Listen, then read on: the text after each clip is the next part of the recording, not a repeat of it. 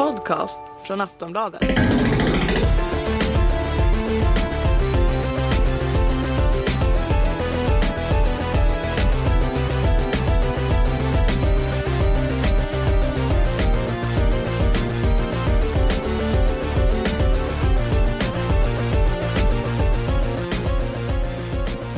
Du lyssnar på Nöjesbladets Spela-podd med mig, Alfred Holmgren.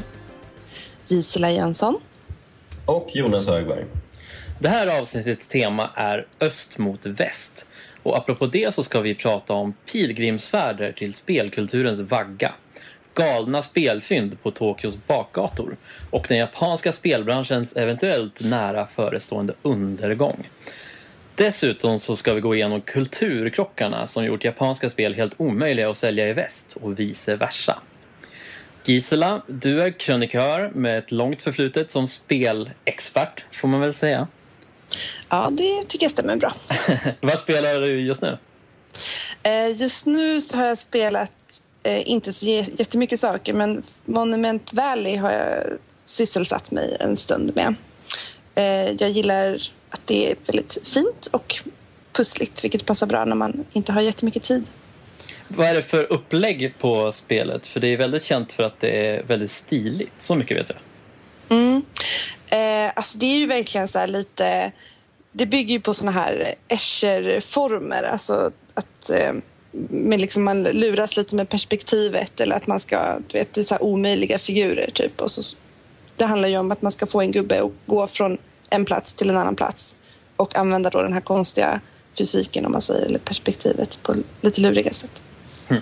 Eh, Jonas, du är recensent, reporter och eh, spelbloggare kan man väl säga om dig, Eh, det kan man säga. om man insisterar. Blir du avundsjuk på Gisela nu som har fått spela Monument Valley när du har blivit uttråkad med Mario Kart 8? Uh, nej, jag har ju spelat Monument Valley också så jag kan ju bara uh, vara glad för Giselas skull att hon har fått uppleva det här fantastiska spelet. Uh, men eh, som sagt, Mario Kart 8, oj oj oj vilka grejer det är. Det är fantastiskt verkligen. Eh, det skulle man kunna spela tills korna kommer hem. Alltså det är otroligt, otroligt roligt. Det är antagligen, rent racingmässigt i alla fall, det eh, bästa spelet i Mario Kart-serien. Men du gav det ändå inte 5 plus. Nej, jag vet. Eh, Jag gav det inte 5 plus eh, därför att eh, Nintendo har varit dumma i huvudet igen och eh, handikappat eh, battle-läget så att man inte har riktiga battlebanor att spela på. Istället så måste man spela på de vanliga kartracingbanorna och liksom åka runt hela banan och leta efter eh, folk att eh, kasta ba- bananskal på. Och eh, alltså det blir så här långtråkigt och utdraget och man bara, men herregud var är allihopa? Nu har jag åkt jättelänge och hittar ingen. Ah, panik! Ja, Jag blev Så så förbryllad över det där. För jag, jag såg kommentarerna på din recension där på aftonbladet.se. Och då var det vissa Mm. som sa, men spelar roll, vem kör battle då liksom? Och för mig, battle är det som är roligast med Mario Kart. Så jag blev faktiskt riktigt förbryllad av att just den biten har plockats bort. Att de inte ens tog Ja. med liksom klassiska battlebanor som ju är jätte, jättebra i sig. Ja men verkligen. De kunde ju, ja men precis. De har ju kört med massa klassiska racingbanor som vanligt. De gör ju alltid så att de liksom gör eh, blir det, 16 nya banor och så drar de med 16 gamla banor i, varje nytt Mario Kart-spel de senaste, eh, det senaste decenniet. Eh, och eh, varför hade man inte kunnat slänga in några gamla battlebanor också? Det är ju jättekonstigt. Um, så jag fattar inte alls beslutet. Och eh, precis som du säger Alfred så älskar jag Battle också. Jag har haft otroligt roligt med det spelläget genom åren. Och eh, äh, det är bara dumt. Dumheter av Nintendo. Att göra ett så fantastiskt spel och sen bara skjuta sig själva i huvudet efteråt. Fan också. Precis, men nu fick de ju en riktig näsbränna i och med dina fyra plus där. Så de kanske tänker om inför Mario Kart 9. Ja. Det blir mer lavetter annars. Skärp er.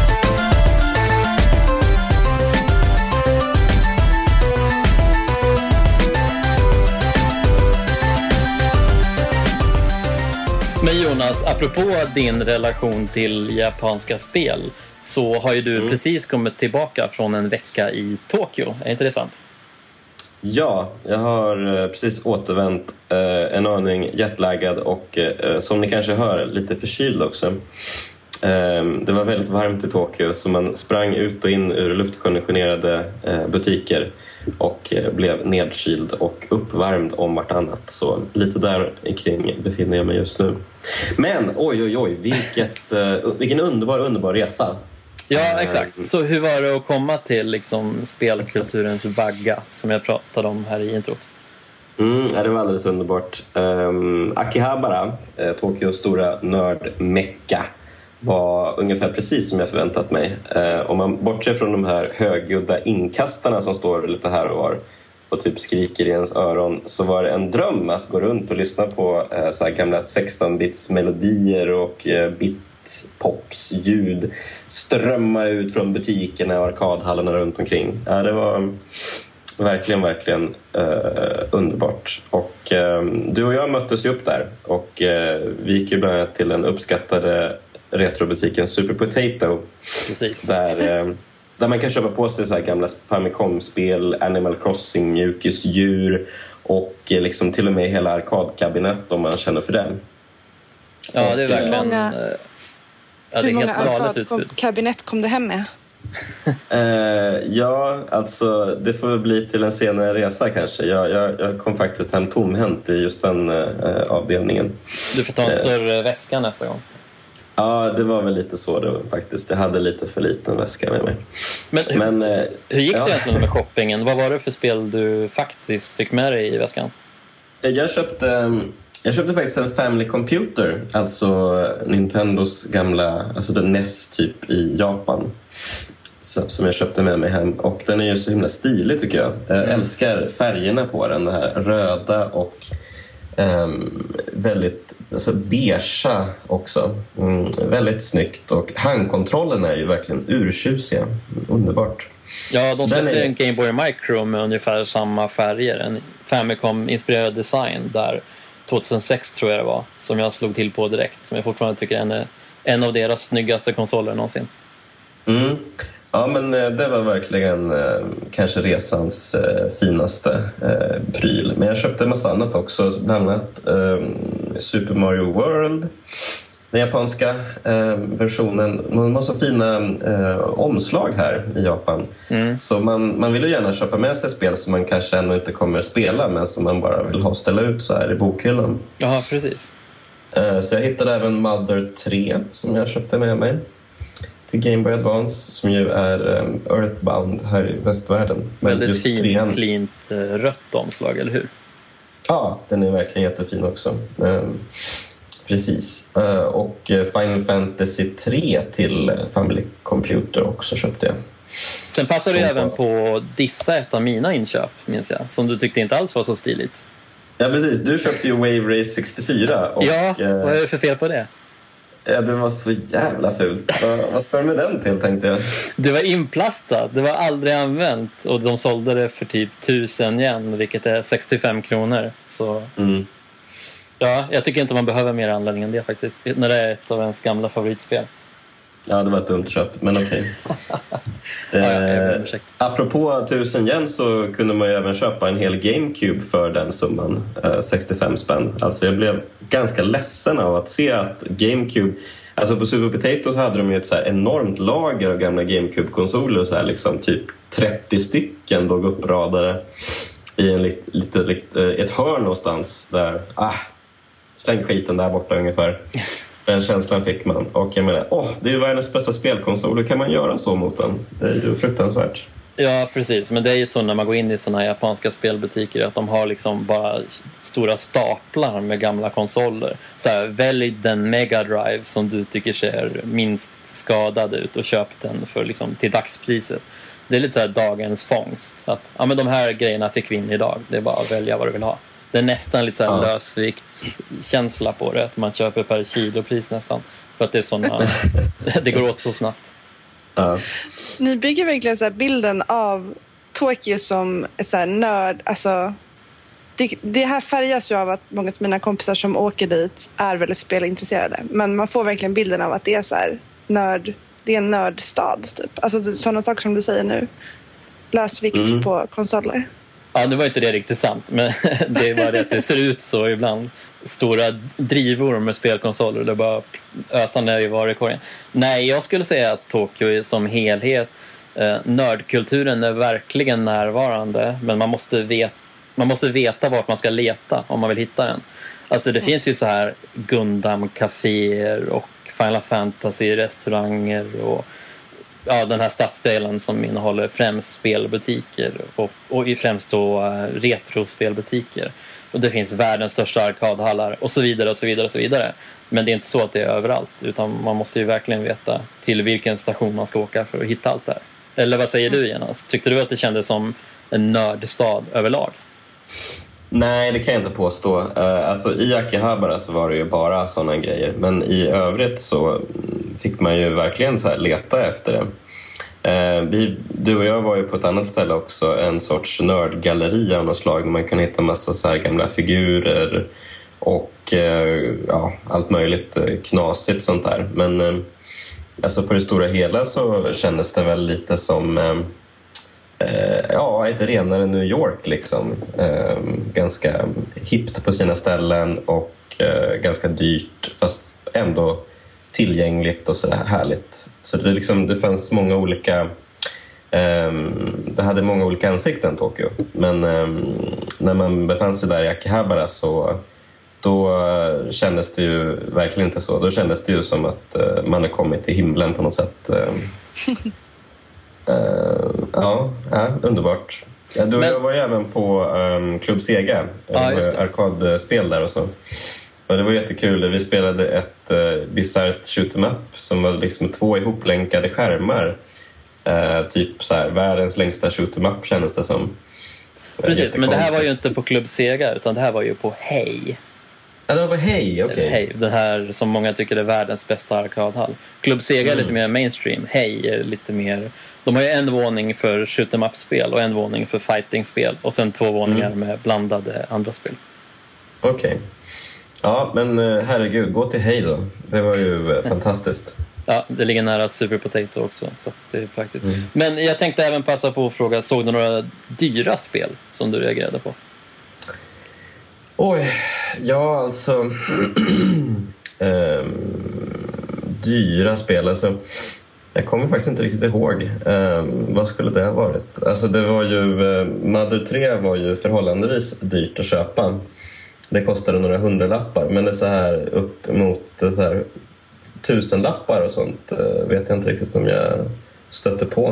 Vad Okej, tänker du för de har ju liksom glasmontrar där på Super Potato och liknande butiker där de låser in de riktiga dyrgriparna. Och Mm. det brukar vara ganska intressanta spel som får de högsta prislapparna. Alltså inte sällan västerländska spel av någon anledning. Det finns ett Simpsons-spel till Mega Drive tror jag som alltid är väldigt dyrt. Alltid är den där glasmontern. Eh, Ett gammalt wrestlingspel också till Mega Drive. Och sen eh, Spindelmannen-spelet Maximum Carnage med den här Oj. Venom. Heter han så Jonas? Du som är Mm, ja, superhjälteexpert. ja, det är nog Carnage du tänker på va? Det är den där andra. Jaha.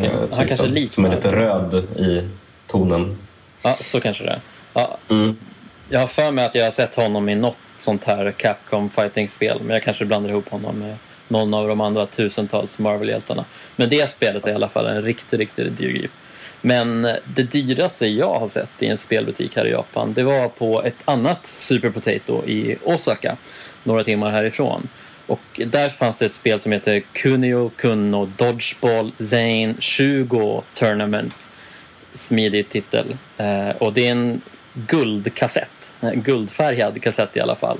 Som de sålde för, jag tror det var motsvarande 34 000 kronor. Bara själva kassetten. Oj. Så det går ju att komma upp lite högre än 65 spänn om man insisterar. Sen finns det i och för sig många spel som säljs för bara ja, motsvarande 50 öre typ. Gamla Famicom-kassetter och sådär. Så att ja, det passar alla budgetar. Mm.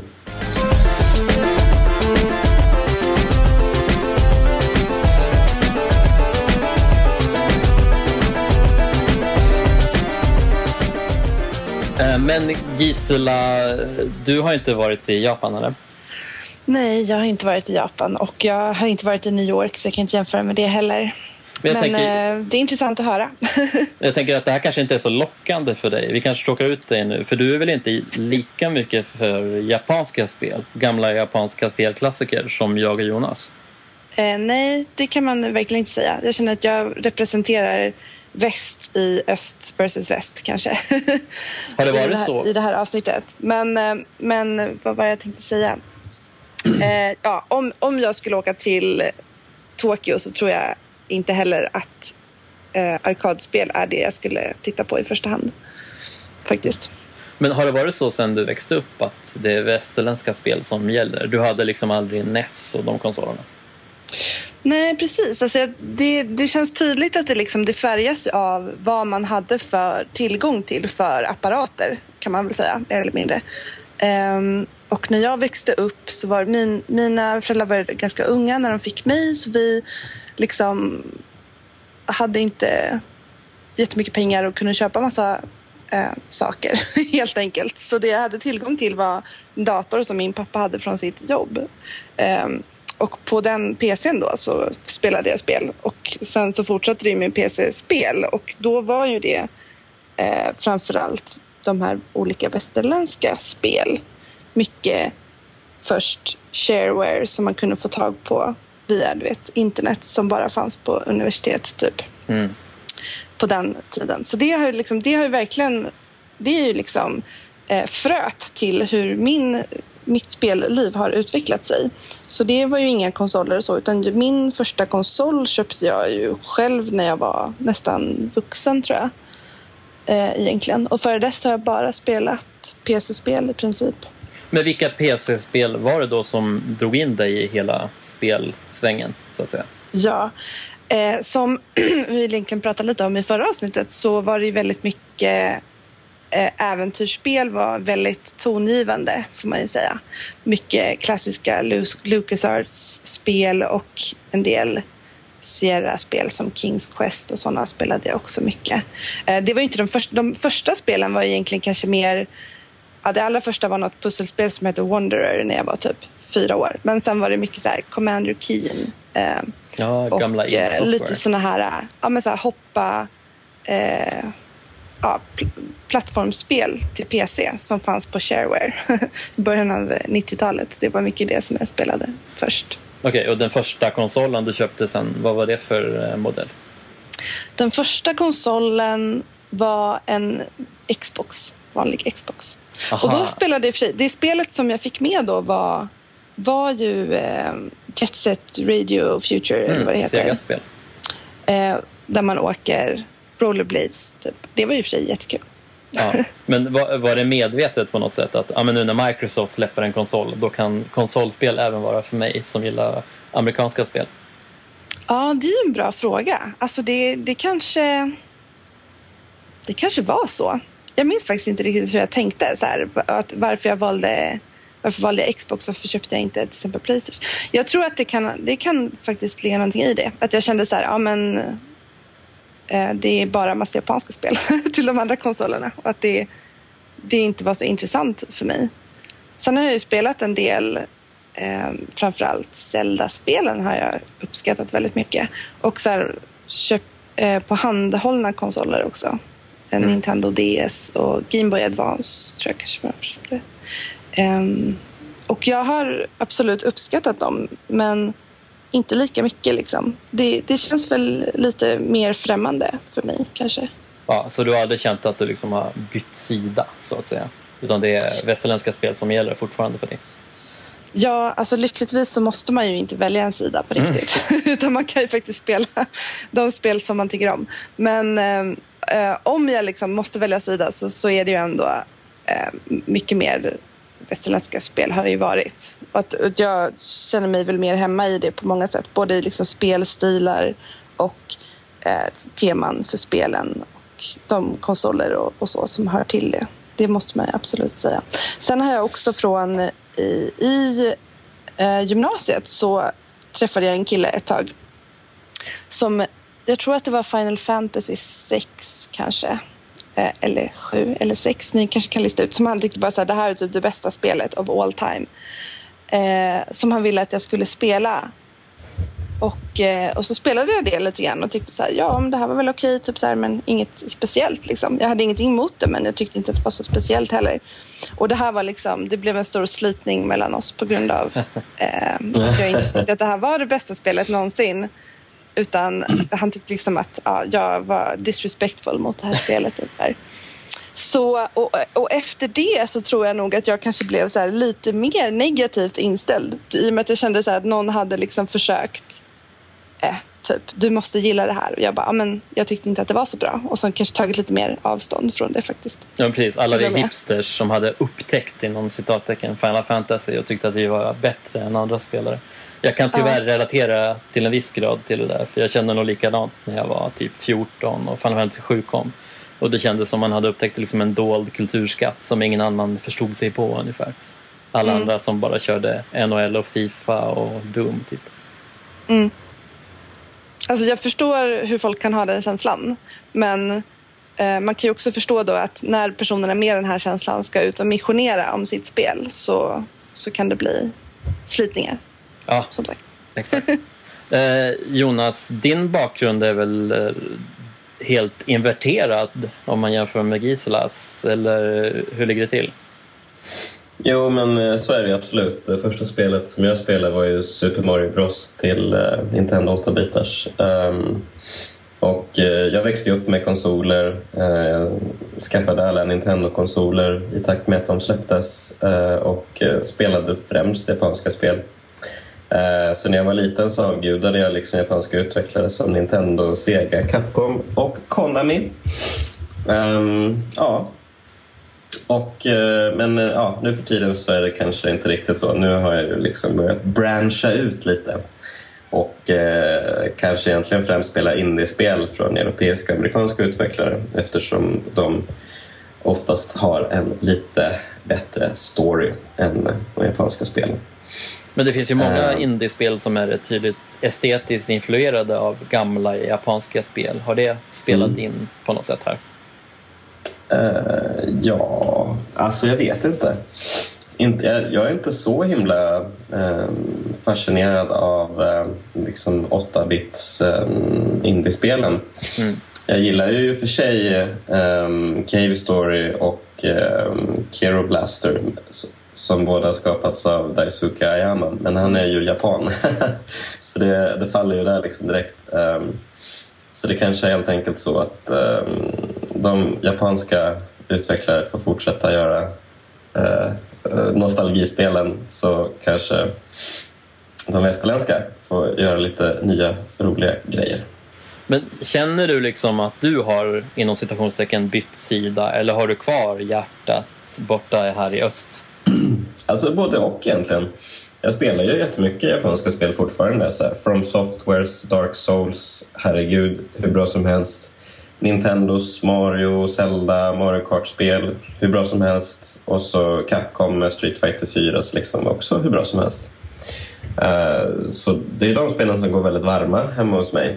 Mm, men uh, när jag vill så här spela eh, nya spel så är det ju oftast europeiska och amerikanska eh, spel.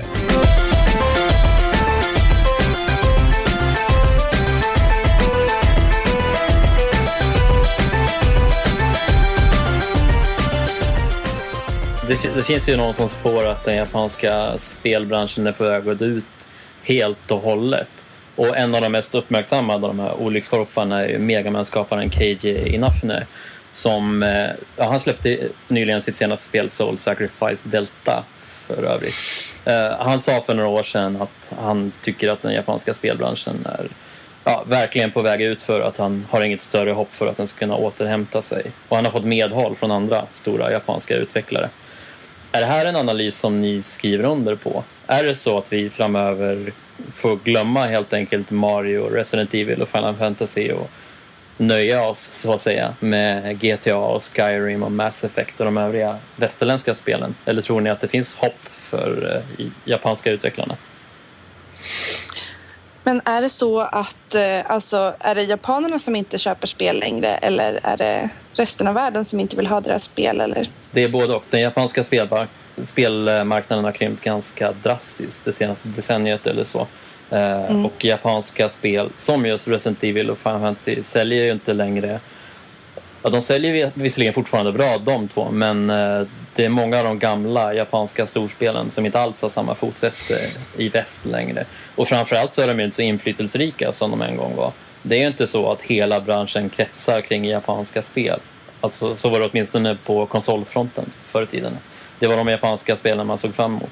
Idag är de mer, skulle jag säga, de är ett betydelsefullt visst, men lite så här pikant, exotiskt inslag i den här sedvanliga störtfloden av krigsspel och sportspel och allt vad det är från europeiska och amerikanska utvecklare.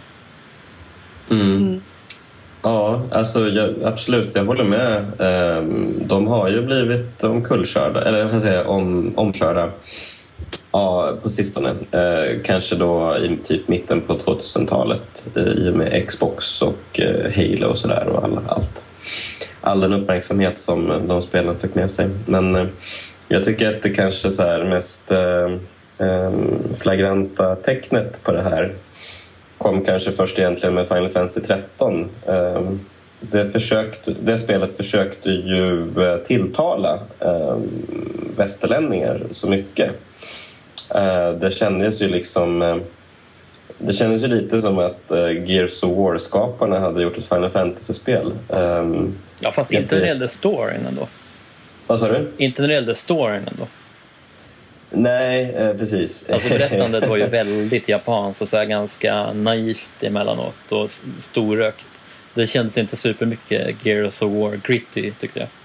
Nej, men absolut. Det, det, det är sant. Och eh, det är väl också en grej, tror jag, att eh, spelpubliken har blivit äldre och i många fall växt upp och liksom lämnat de här ganska mm, fåniga rollspelshistorierna eh, bakom sig och eh, vill ha eh, någonting annat. Och eh, i många fall så är det väl liksom lite hårdare stories, så här GTA-inspirerade saker och eh, så. Ehm, det är ju lite tråkigt samtidigt som det är förståeligt eh, för de skriver verkligen, verkligen inte bra historier i Japan.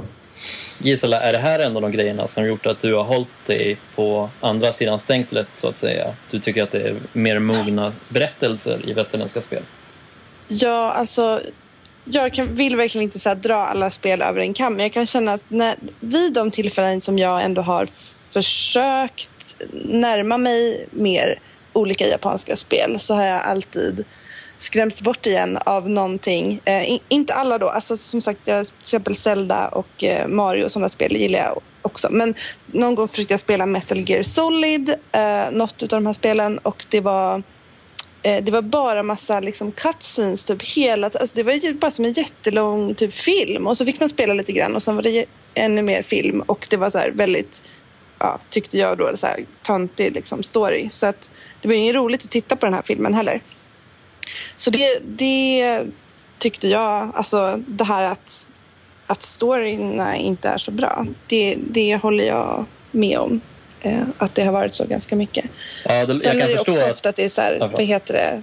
Det är ofta turbaserade fighter, vilket jag inte tycker är så jättekul heller. Jag tänkte bara säga att om du inte gillar japanskt berättande så kan jag förstå att du inte tyckte att Metal Gear Solid kändes som en bra inkörsport för det är sånt himla koncentrat av japanskt berättande och som du säger så solida sjok av bara filmsekvenser som kan vara superlånga. Så ja, om man inte gillar Men- det då gillar man kanske inte japanska stories. precis. Men hur vet man om man verkligen gillar... Alltså, jag tänker på...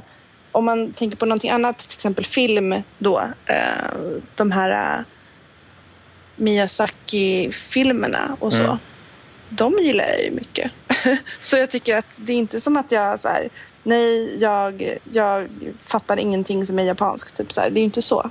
Mm. Men i spel så tycker jag att de inte, oftast inte alls blir lika intressant och liksom den här mysiga sagokänslan som de filmerna har till exempel. Nej, precis. Nej, men jag, jag håller med om det, även om jag älskar japanska spel. Men för mig är det samma sak med västerländska spel. Jag tycker inte att västerländska spel har lika bra story som de bästa västerländska filmerna.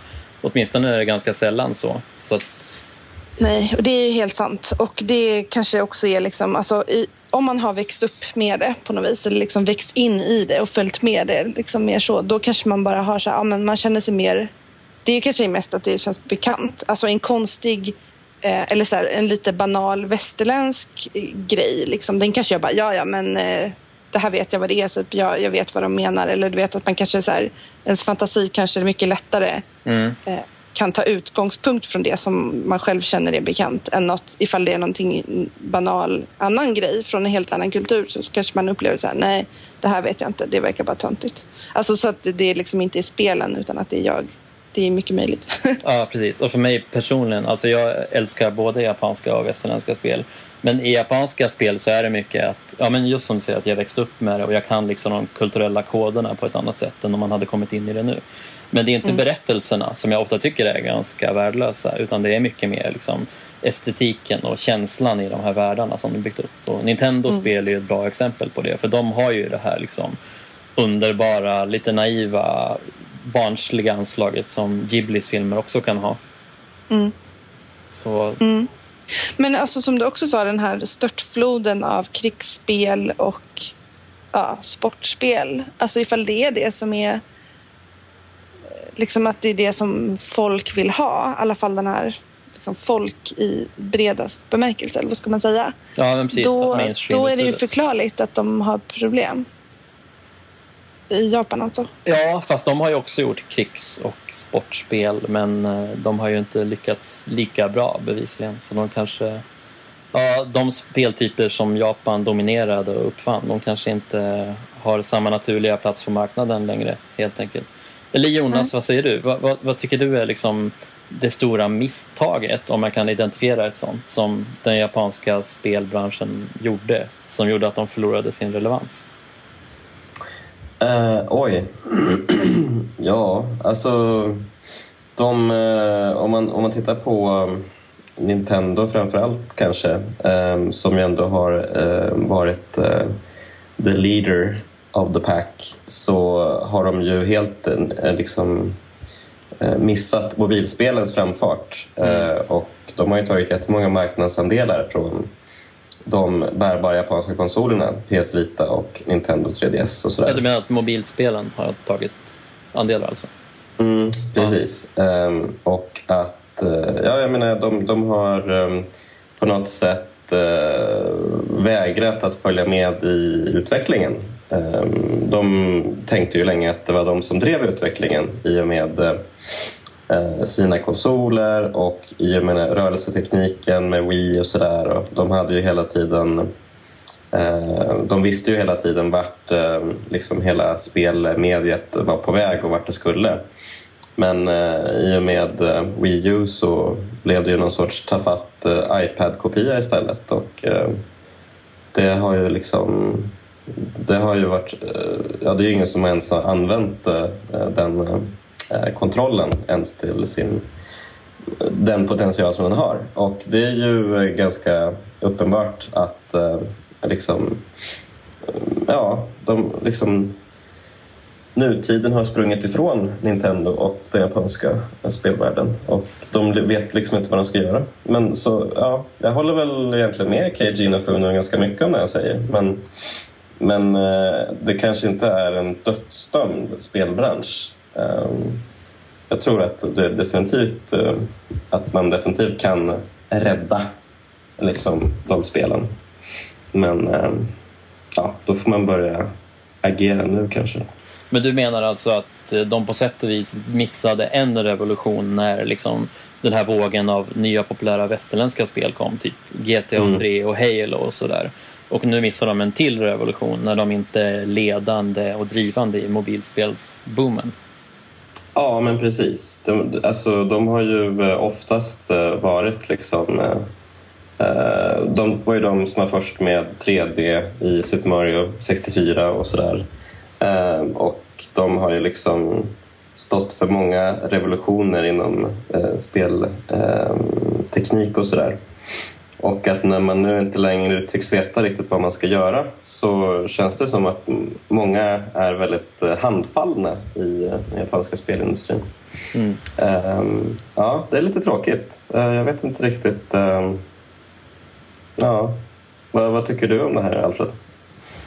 Ja, ja men jag skriver väl under på det mesta som har sagts här och uh, det skär ju verkligen i mitt hjärta för jag älskar ju japanska spel så otroligt mycket. Men det är väldigt svårt att säga. Det är svårt att se hur det här ska kunna vända liksom bara helt plötsligt över en natt. De gör ju sitt bästa på alla sätt och vis och jag tycker fortfarande att det görs otroligt bra spel i Japan. Alltså bara nu i dagarna så släpptes ju Ultra Street Fighter 4 som är liksom det största och viktigaste spelsläppet i år för min del. Så att eh, det är fortfarande så att de spel jag älskar, älskar allra mest är i regel från Japan. Och även Mario Kart 8 som jag inte har kört än men det ser jag fram emot jättemycket att sätta mig ner nu eh, senare i sommar. Så att eh, för min del gör de mycket rätt. Men marknaden ger dem ju inget gensvar helt enkelt. Och mm. De har inte lyckats knäcka den gåtan själva och jag tror tyvärr inte att jag kommer göra det åt dem heller.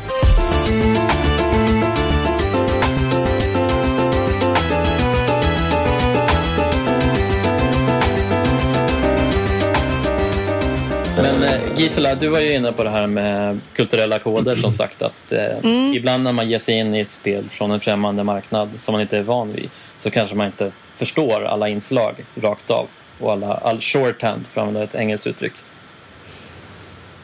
Nej, precis. Eh, jag det tänker, jag. Alltså, eh, ibland kan ju det vara en anledning till att ett spel helt enkelt inte funkar överhuvudtaget på en annan marknad. Eller att ett japanskt spel ser väldigt konstigt ut i västerländska ögon och vice versa. Har ni mm. några, liksom, några flagranta exempel på det här som ni snappat upp genom åren? Ja, alltså e-, e-, ett, ett exempel för mig och det här är liksom Eh, å ena sidan tänker man sig ja, vissa kulturella koder, å andra sidan så kan man tycka att vissa saker kanske bara inte är så bra.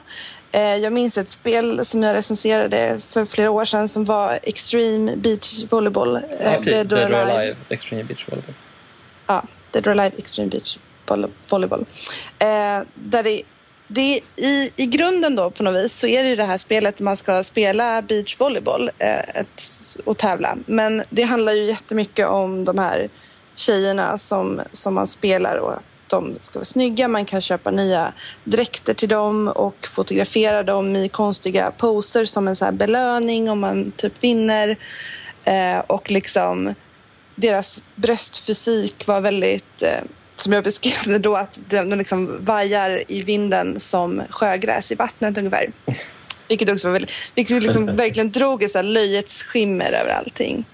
Eh, och ja, men vissa av de här tjejerna skulle vara väldigt unga och väldigt liksom, sexualiserade och orealistiska. Och sen så här, ja, jag kanske inte var så här, den tänkta publiken för detta men det, var, det satte ändå lite fingret på att så här, eh, det, vissa saker känns så här obehagliga, så här creep, creepy liksom, verkligen. Um, och det finns en del av, av det, tycker jag, i, i den japanska populärkulturen som jag har svårt för. Men kände du då att du när du sågade det här spelet att du liksom stack ut på något sätt? Eller var ditt intryck att andra svenska gamers inte heller uppskattade det här och tyckte det var creepy? Um, det är svårt att svara på faktiskt. Jag tänkte väl att de flesta killar tyckte så här, men vadå, det är ju bara på skoj. Typ så. så att det, då behövs det ingen mer förklaring eh, kring någonting. Mm. Så det var väl min upplevelse. Jag, men jag tror att många skulle hålla med om att, här, ja, men att det är eh, ja, att det är töntigt. Liksom. Och det, man kanske kan också nöja sig med det. Men eh, ja, jag, jag, upplevde att det var liksom, att det creepy med att man skulle objektifiera de här förvisso låtsas liksom, personerna men ändå att så här, det, var, det är en obehaglig eh, känsla tyckte jag. Jo, precis. Och även om det förstås är på låtsas så vill ju spelet bygga upp en virtuell verklighet, för att använda ett slitet uttryck, där de här kvinnorna ska föreställa vara väldigt unga och ja, villiga att bli fotograferade i konstiga ställningar och så vidare. Så jo, mm. jag förstår ju precis varför du tycker att det är creepy. ja, de är väldigt eh, konstiga ibland, eh, japanerna. Ja, Jonas, Jag kan, tänk- du, kan du tänk- det här med något ännu värre? Um, ja, jag tycker ju att eh, alltså det jag tänkt på eh, är värre. Ehm, ehm, det var nämligen så att eh, vi var ju i, du och jag var ju i en nördgalleria i Tokyo nu. Mm, Nakano Broadway, som den heter. Nakano Broadway, okej. Eh, och där hittade vi ju ganska skumma grejer. Bland annat ett leksaksset med, jag tror att det var Hermann Göring Mm, tror också det. och hans arbetsrum. Man kunde ja, alltså, hans skrivbord. Hans skrivbord, precis. Ja. Man kunde så här inreda lite med Hermann Göring och ha det mysigt och sådär. Ja, och som man kunde ha ju- nazi-dockskåp. Ja, exakt. Och det här var ju ehm, tillverkat i USA. De här Mm. dockorna. Men de såldes alltså här då. eh, Fullt öppet i, i en monter. Liksom. Kom och köp Hermann Göring och mys. Liksom. Det, så, så härligt kan vi ha det. Och det, vi hittade ju även en um, bisarr bronsstaty, tror jag det var brons i alla fall, uh, av Hitler. Uh, där- han står och är mysig också. Um, så det finns en uh, märklig sorts, eh, ja, vi ska väl kanske inte kalla det vurm, men de, de tycks inte riktigt veta vad nazismen, eh, vad det liksom handlar om eh, i Japan. Eh, för de- har ju med eh, Hitler och så i många spel, så här, till exempel klassiska NES-spelet Bionic Commando så slåss man ju mot nazisterna ehm, och det släpptes ursprungligen i Japan med titeln Hitlers Revival Top Secret. Eh, och eh, ja, när, man, när spelet sedan lokaliserades till eh, väst så var man ju tvungen att eh, byta ut Hitler och eh, nazistsymbolerna i spelet för att det kändes helt enkelt lite för creepy. Men det roliga är att de har ju kvar Hitlers porträtt i spelet. ja, just det. I Ja. Alltså man, hans spoiler alert. Ni får stänga av nu om ni inte har spelat Bionic Commando till slutet. Men Hitlers huvud sprängs ju i slutet. Väldigt, väldigt grafiskt detaljerat och blodigt. Mm. Det är den stora pay- payoffen på kampanjen. Och det är ju fortfarande Hitlers huvud i den västerländska versionen, även om han heter Master D istället för Adolf Hitler. Men det är väl Eh, inte, liksom, det är väl inte tabu i, i väst att man ska slåss mot nazister? Nej, men det här var Det är ju på, väldigt vanligt. det här var på 80-talet och Nintendo är ju kända för att vara väldigt, väldigt känsliga med saker som skulle kunna vara kontroversiella. Jag håller med dig, alltså ingen klagade när man slogs mot nazister i Wolfenstein, varken gamla eller nya Wolfenstein. Men jag tror att det var lite för casual bara i Bionic Commando som var så här roligt färgglatt actionspel. Och så råkade det vara Hitler som hade orkestrerat det hela. Mm. Men det här kan du säkert eh, mycket bättre än jag, Alfred. Eh, Men eh, för mig så känns det som att allt den här med nazismen och sådär, att japanerna är väldigt så här omedvetna om vad, nazisten, vad nazismen är och vad nazisterna gjorde. Liksom att historieundervisningen inte riktigt funkar där. Ja, men det är mitt intryck också. Jag är ingen eh, superexpert på det här området heller, men det är verkligen den känslan jag har fått. att Nazistiska symboler är inte alls lika laddade här. Alltså man kan gå runt i Tokyo och se folk som har liksom hakkors, t-shirts på sig. Nu har det inte hänt mycket. Jag har bott i Tokyo i snart två år och det har hänt kanske tre gånger att jag har gjort det. Eller så här nazistiska örhängen. Och jag tror inte att det är människor som är nazister eller särskilt politiska alls, utan det är bara så här, ja men vilken häftig symbol.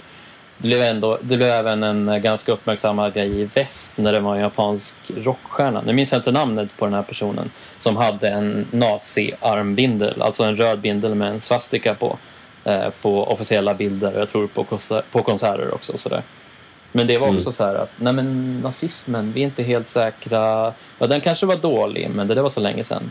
Alltså att det finns en väldigt, väldigt stor brist på insikt trots att Japan då slogs på nazisternas sida ett tag där. Och, eh, så det har nog blivit så att Hitler mer är någon slags Darth Vader-figur i japanernas ögon. Att det är en så här häftig skurk med en väldigt tydlig identitet som man lätt känner igen. Så det är skönt att stoppa, stoppa in honom i olika sammanhang och alla kan direkt se. Ja, ah, där är den där klassiska härliga ondingen ungefär. Mm. Alltså det, just bland annat, alltså just att så här, eh, för Japans inblandning i andra världskriget och att de eh, att de var liksom allierade med Tyskland gör ju att man så här, det, det känns lite extra känsligt på något vis. Eller så här ofint att inte typ ha koll på det. Men jag tror snarare att det är en del av anledningen. För jag, vad jag har förstått så är liksom insikterna om vad Japan egentligen gjorde under andra världskriget. De gjorde ju mycket hemskheter här eh, borta i Asien. De är ganska begränsade och det screenas och filtreras ganska hårt vad, vad som får skrivas i historieböcker för skolorna och sådär. Det är ett ministerium som kollar allt sånt. Och mm. eh, japanska politiker är väldigt så här, de velar fram och tillbaka. Ena premiärministern säger nej men vi är ledsna för allt vi gjorde mot kineserna och koreanerna, mot civilbefolkningen där.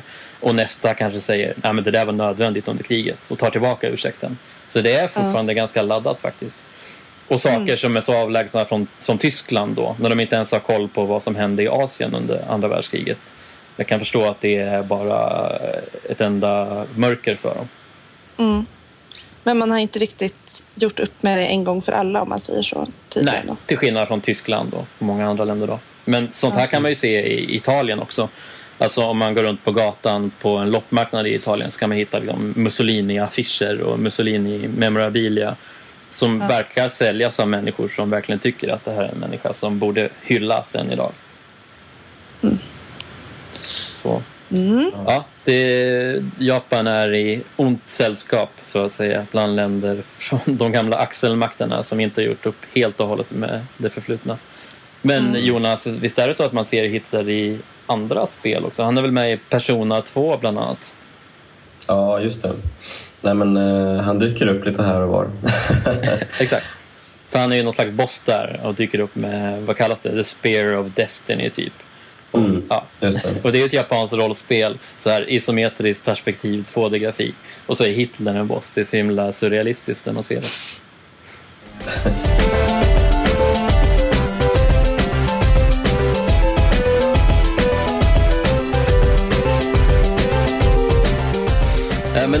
Japanska publiken är ju annars känd i väst för att ha en spelsmak som kan framstå som ganska udda. Vilka är de liksom, konstigaste japanska spel ni sett om vi går bortom rent liksom, så här, offensiv grejer som nazism och grov sexism? Mm. Eh, alltså, mitt exempel, det är också ganska grovt så det kanske inte går bortom detta.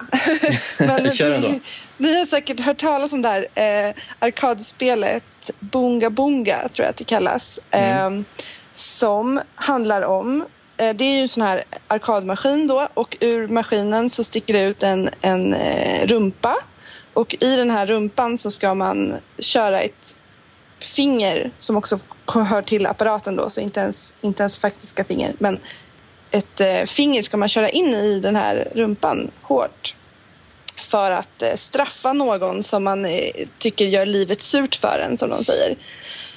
Och då får man se den här personens ansiktsuttryck då, hur ont det gör när man gör så här.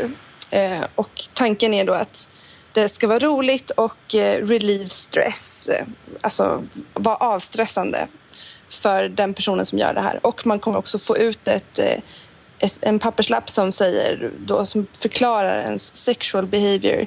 Eh, som de har analyserat genom sättet man gör det här på. Och det är lite intressant också vilka vilka karaktärer man kan välja på liksom, som man vill straffa. Då. Det, det är okej, okay. vi kan inte säga exakt så här vilken som har, som har vilket kön men det finns till exempel gangster, eh, conman eller con-artist, alltså en, eh, någon slags bedragare. Eh, och, och eh, vad heter det? Ja, en, en pedofil kan man liksom straffa men man kan också straffa eh, ex-flickvän, eh, svärmor eller eh, prostituerad. Så det är liksom verkligen så här, ja, en intressant bild av ja, vad folk blir frustrerade på och vill, vill straffa då. Men då får de ta ut sina aggressioner i den här apparaten istället för i verkligheten. Det, det kanske är bra. Ja, det kanske är en epidemi av fingrar upp i rumpan på stackars hemmafruar och flickvänner som mm, har kunnat undvikas med på det här spelet. Ja, uh, usch, alltså. Ja, det, det känns så här vidrigt, alltså, tycker jag. Men ja, vi, får, vi får se det ur ett positivt perspektiv. Precis. Jonas, jag, jag frågar som vanligt, kan du bräcka det här? Uh, jag är osäker faktiskt. Det, det, finns ju så sjukt många konstiga grejer i, um, i Japan. Um, jag tänker bland annat på um, de här Sho Aniki-spelen uh, mm. med så här muskulösa män med enorma fallossymboler som uh, skjuter uh, spermaliknande missiler och allt möjligt knas. Vi såg ju faktiskt ett sånt spel när vi var på Super Potato. Jag vet inte om ni minns det? Uh, ja, det kanske det gjorde. Det stod ja, i hyllorna. Påminner mig. Ja, nej, okej. Okay. Um, ehm, så sånt finns det ju massvis av. Och så finns det så här jättekonstiga grejer som um, ett av mina favoritspel, eller ett av mina så här, oj vad knasigt det här är, är um, Seaman. Ett ja. uh, gammalt Dreamcast-spel där man, det är typ ett simulationsspel, lite så här simsaktigt fast ens eh, avatar är liksom en grodfiskman som man ska eh, avla fram från litet yngel till eh, ja, eh, någon sorts eh, äcklig varelse som man ska kunna kommunicera med via eh, mikrofonen faktiskt så man kan prata med eh, honom. Och han är så här förolämparen och så här jättekonstig. Um, ja, mycket, mycket skumt spel. Eh, kul trivia med det spelet är att eh, berättarrösten görs av Mr Spock, eh, Leonard Nimoy. Eh, jätte, jätte bisarrt. det känns som att det skulle ge också en extra bisarr dimension till det om man så känner igen eh, hans röst som Mr Spock. Liksom och associerade till det.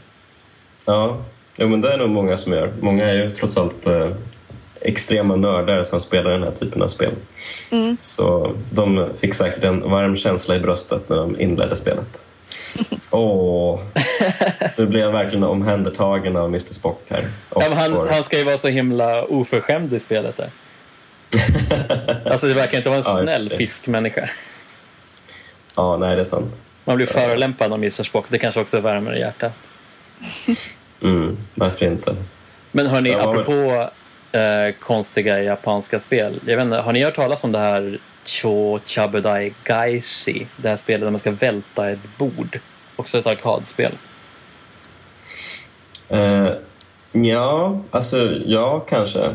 Berätta mer. Ja, men det har blivit lite uppmärksammat de senaste åren. Jag tror det är hyfsat nytt, bara ett par, tre år gammalt kanske. Och det är liksom ett arkadspel, precis som det Gisela beskrev. Fast här är det inte en rumpa som sticker ut, utan ett bord. Som man placeras i olika situationer. Typ man är på en stökig fest eller man är på en nattklubb eller var, en middag, vad det nu kan vara. Och så blir man av någon anledning, eller ens karaktär ska föreställa bli väldigt irriterad av omständigheterna och liksom reser sig upp och välter bordet så intensivt som möjligt. Och då gör man då det med den här bordsattrappen på själva maskinen. Man rycker upp den så att den välter. Och så får, får, man se då på skärmen hur saker som stod på bordet flyger i så här bullet time, så här matrix slow motion. Champagneflaskor och blommor och glas och allt flyger och omgivningen blir helt eh, förskräckt då. Så att det är också ett sånt här blåsa ut ånga-spel fast med något mindre sexuella undertoner. Jag tror inte man får liksom ett kvitto på, på sin sexualitet efteråt i det här fallet faktiskt. Men alltså, bygger det här på en, på en uh, så här smiley eller emoji eller vad det heter? Uh, för det finns liksom ni vet, man kan skicka såna här roliga, mm. ja, du vet, det ser ut som en katt och sånt. Ja, och så finns det ju den här mm. flipping table. Den finns ja. ju som en som en emoji. Aha. Aha. Nej, utan det är nog snarare att den emojin bygger på ett japanskt uttryck som jag inte vet hur mycket grund det har i verkligheten. Men det är liksom så här, på engelska brukar man säga upending the tea table, alltså bara välta och vad ska man säga, fösa bort allt det gamla och börja om på nytt när man blir frustrerad med någonting. Det är ja. ju någonting som har tillskrivit Shigeru Miyamoto, Nintendos speldesign-geni, många gånger. Att han gillar att bara så här ut med det gamla, nu börjar vi om på nytt om vi har gjort någonting som inte är tillräckligt bra. Men av det, det, här... det är rimligare att Smiling bygger på någonting riktigt än tvärtom. Men, ja, eller att Shigeru Miyamoto blev inspirerad av Smiling och började välta bordet på Nintendo när spelet inte var bra nog. Det är också rimligt. Men jag tänker om man går åt eh, det andra hållet, alltså um, spel som inte säljer i Japan men som är populära i väst. Mm. har ni snappat upp något sånt också? Eller är det mest åt andra hållet tror ni? Eh, det är säkert åt båda hållen känns det ju som. Men jag som inte har varit i Japan har ingen aning om vad det kan vara. Det kanske ni vet? Uh, ja, jag, jag, känner mig väldigt uh, tjock i huvudet av förkylning här så Alfred får gärna reda ut detta. uh, alltså ett spel som visserligen är hyfsat populärt i Japan men inte alls lika mycket som väst, det är GTA. Och eh, det blev lite konstigt när jag bjöd hem ett par japanska kompisar bara förra helgen faktiskt och de började spela GTA för det var spelet som låg i min 360 då. Alltså de bara, vi spelar någonting så sätter de på konsolen. Och jag tog fram spelskivan och visade för, kill för killen som eh, hade startat konsolen och han bara såg ut som ett frågetecken. GTA 5, aldrig hört talas om. Och han tyckte det var jätteroligt och han bara sladdade runt på måfå och tog inga uppdrag eller någonting.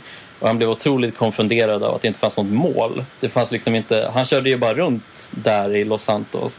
Men det fanns ju inget mål trots att det kändes som ett racingspel. Så ja, det är tydligen en speltyp som inte är välbekant för alla japanska gamers än. Och dessutom har jag hört att, jag vet inte ifall det stämmer, men det finns en myt slash fördom om att japanska spelare gillar inte att spela med dubbla analoga spakar. Och att det ska vara anledningen till att FPS och eh, tredjepersons action som dominerar så otroligt mycket i väst, att det inte ska ha lyckats slå i Japan. Oh, mm -hmm. vad, kan det, vad kan det bero på, tro? Eller kan det vara så att de inte gillar det? Ja, bra fråga. Man ser ju inte det jättemycket kanske i japanska spel förutom på ja, den senaste generationen eller så. Innan dess var det nog ganska ovanligt. Däremot i vissa japanska arkadspel finns det att det är två spakar. Jag tänker på gamla Virtual On och sådär. Så de har ju liksom prototyper till det här. Men det, ja, tyvärr har jag inte koll på de psykologiska orsakerna bakom det här om det nu skulle visa sig vara sant. Ja, det är ju fantastiskt. Då måste man alltså undervisa japanerna i eh, kontrollbeteende. Ja, eller göra som Microsoft gjorde med första Xbox, släppa en speciell japansk kontroll. Fast det var ju i och för sig bara en mindre version av den vanliga kontrollen. Men ja. Det är också ett alternativ. Mm. Men eh, som vi var inne på förut, liksom hur man skulle kunna rädda inom starttecken den japanska spelbranschen. Eh, tycker ni att japanerna borde inspireras mer av västerländsk design för att ha en chans att hävda sig? Eller ska de liksom hålla sig till det som de alltid har varit bra på, även om det inte är så populärt just nu? Alltså, de, de gör ju klassisk speldesign jätte, jättebra. Så för allt i världen, eh, japanska spelutvecklare inspireras inte av västerländska spel. Eh, jag tror snarare att eh, man bör bejaka det japanska eh, samhället lite mer. Alltså göra mer spel, så här kontemporära spel, lite som Yakuza och Shenmue. Att man visar på um, hur, det är, hur det egentligen är ute i samhället. Um, och uh, kanske då ta in lite uh, riktiga, inom citationstecken, manusförfattare, alltså icke-japanska manusförfattare. Du menar att japanska manusförfattare, de är inte riktiga? Uh, ja, alltså det verkar ju inte så i alla fall uh, av det jag fått ta del av så här långt. Um, men uh, ja, vi, jag vet inte riktigt. Men det, det kan ju vara en början i alla fall. Men Gisela, för din del då? Jag vet inte, ditt intresse för att den japanska speldesignen ska leva vidare kanske inte är lika brinnande intensivt som Jonas? Eh, Nej, inte. Alltså det känns alltid tråkigt att tänka så här. Nej, ifall att liksom, vadå, ett, ett helt lands spelbransch skulle typ gå under. Alltså så här, att, döds, vad var, att den är dödsdömd. Alltså ja. det i sig känns ju bara tråkigt att tänka att det skulle vara så. Men, eh, och jag tycker ju till exempel i, nu återkommer de igen då, Zelda-spelen och andra som, alltså ICO, typ sådana spel det är väl japanskt? Eller? Ja, absolut. Det är det. ja, bra. De, eh, de tycker jag är, liksom, eh, är jättebra. Så att det är inte som att så här, åh nej, allt är så kast. Men snarare tror jag, alltså i de... Eh, alltså när man försöker vara mer västerländsk, det intrycket jag har av det heller är inte heller att det, att det blir så bra. Alltså just då, och det kan bli lite sån här, tror jag, vad ska man säga, uncanny valley-grej mm. fast en analog till det då. Alltså typ att man säger, ja ah, jag ser att ni försöker göra det här men jag märker att det inte är det. Liksom. Eh, alltså att man inte istället för att försöka göra någonting annat och inte riktigt lyckas med det så kan man eh, göra det man är bra på. Liksom. Eh, ja, ungefär som ni sa. Jag tror att jag håller med om det ganska mycket. Men Gisela, om vi kollar på de västerländska spel som du gillar. Eh, kan du ibland känna att du tycker att de skulle behöva något inslag från den japanska speldesignen? Om man lite svepande kallar den så. Finns det något japanskt som du känner liksom att shit, det här skulle vara kul om Bioware snappade upp till exempel? Eh, alltså, de, många av de japanska spel som jag tycker har varit roligast att spela, bland annat som eh, med Mario 64 och typ sån här, alltså de har liksom, de har listiga, eh, ja listig design liksom. Alltså man känner verkligen så här, de, de har, det är roliga problem att lösa och så här klurigheter och liksom eh, väldigt bra kontroll ofta också liksom som svarar bra. Och det är inte alltid det är så bra tycker jag i, i en del västerländska spel. Där kan ju de definitivt lära sig någonting av det japanska tycker jag. Mm. Alltså de har ett bra, vad ska man säga, liksom hantverk i designen som man absolut borde inspireras av. Ja, absolut. Jag tycker det är en jättebra poäng. Okej, du har lyssnat på Nöjesbladet Spela podcast med mig Alfred Holmgren, Gisela Jönsson och Jonas Högberg.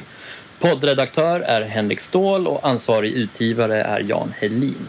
Och vill du diskutera Spelarpodden med oss kan du göra det på aftonbladet.se spela eller på Twitter med hashtaggen Spelarpodden, bara som ett ord alltså. Link, here come to town, come to save!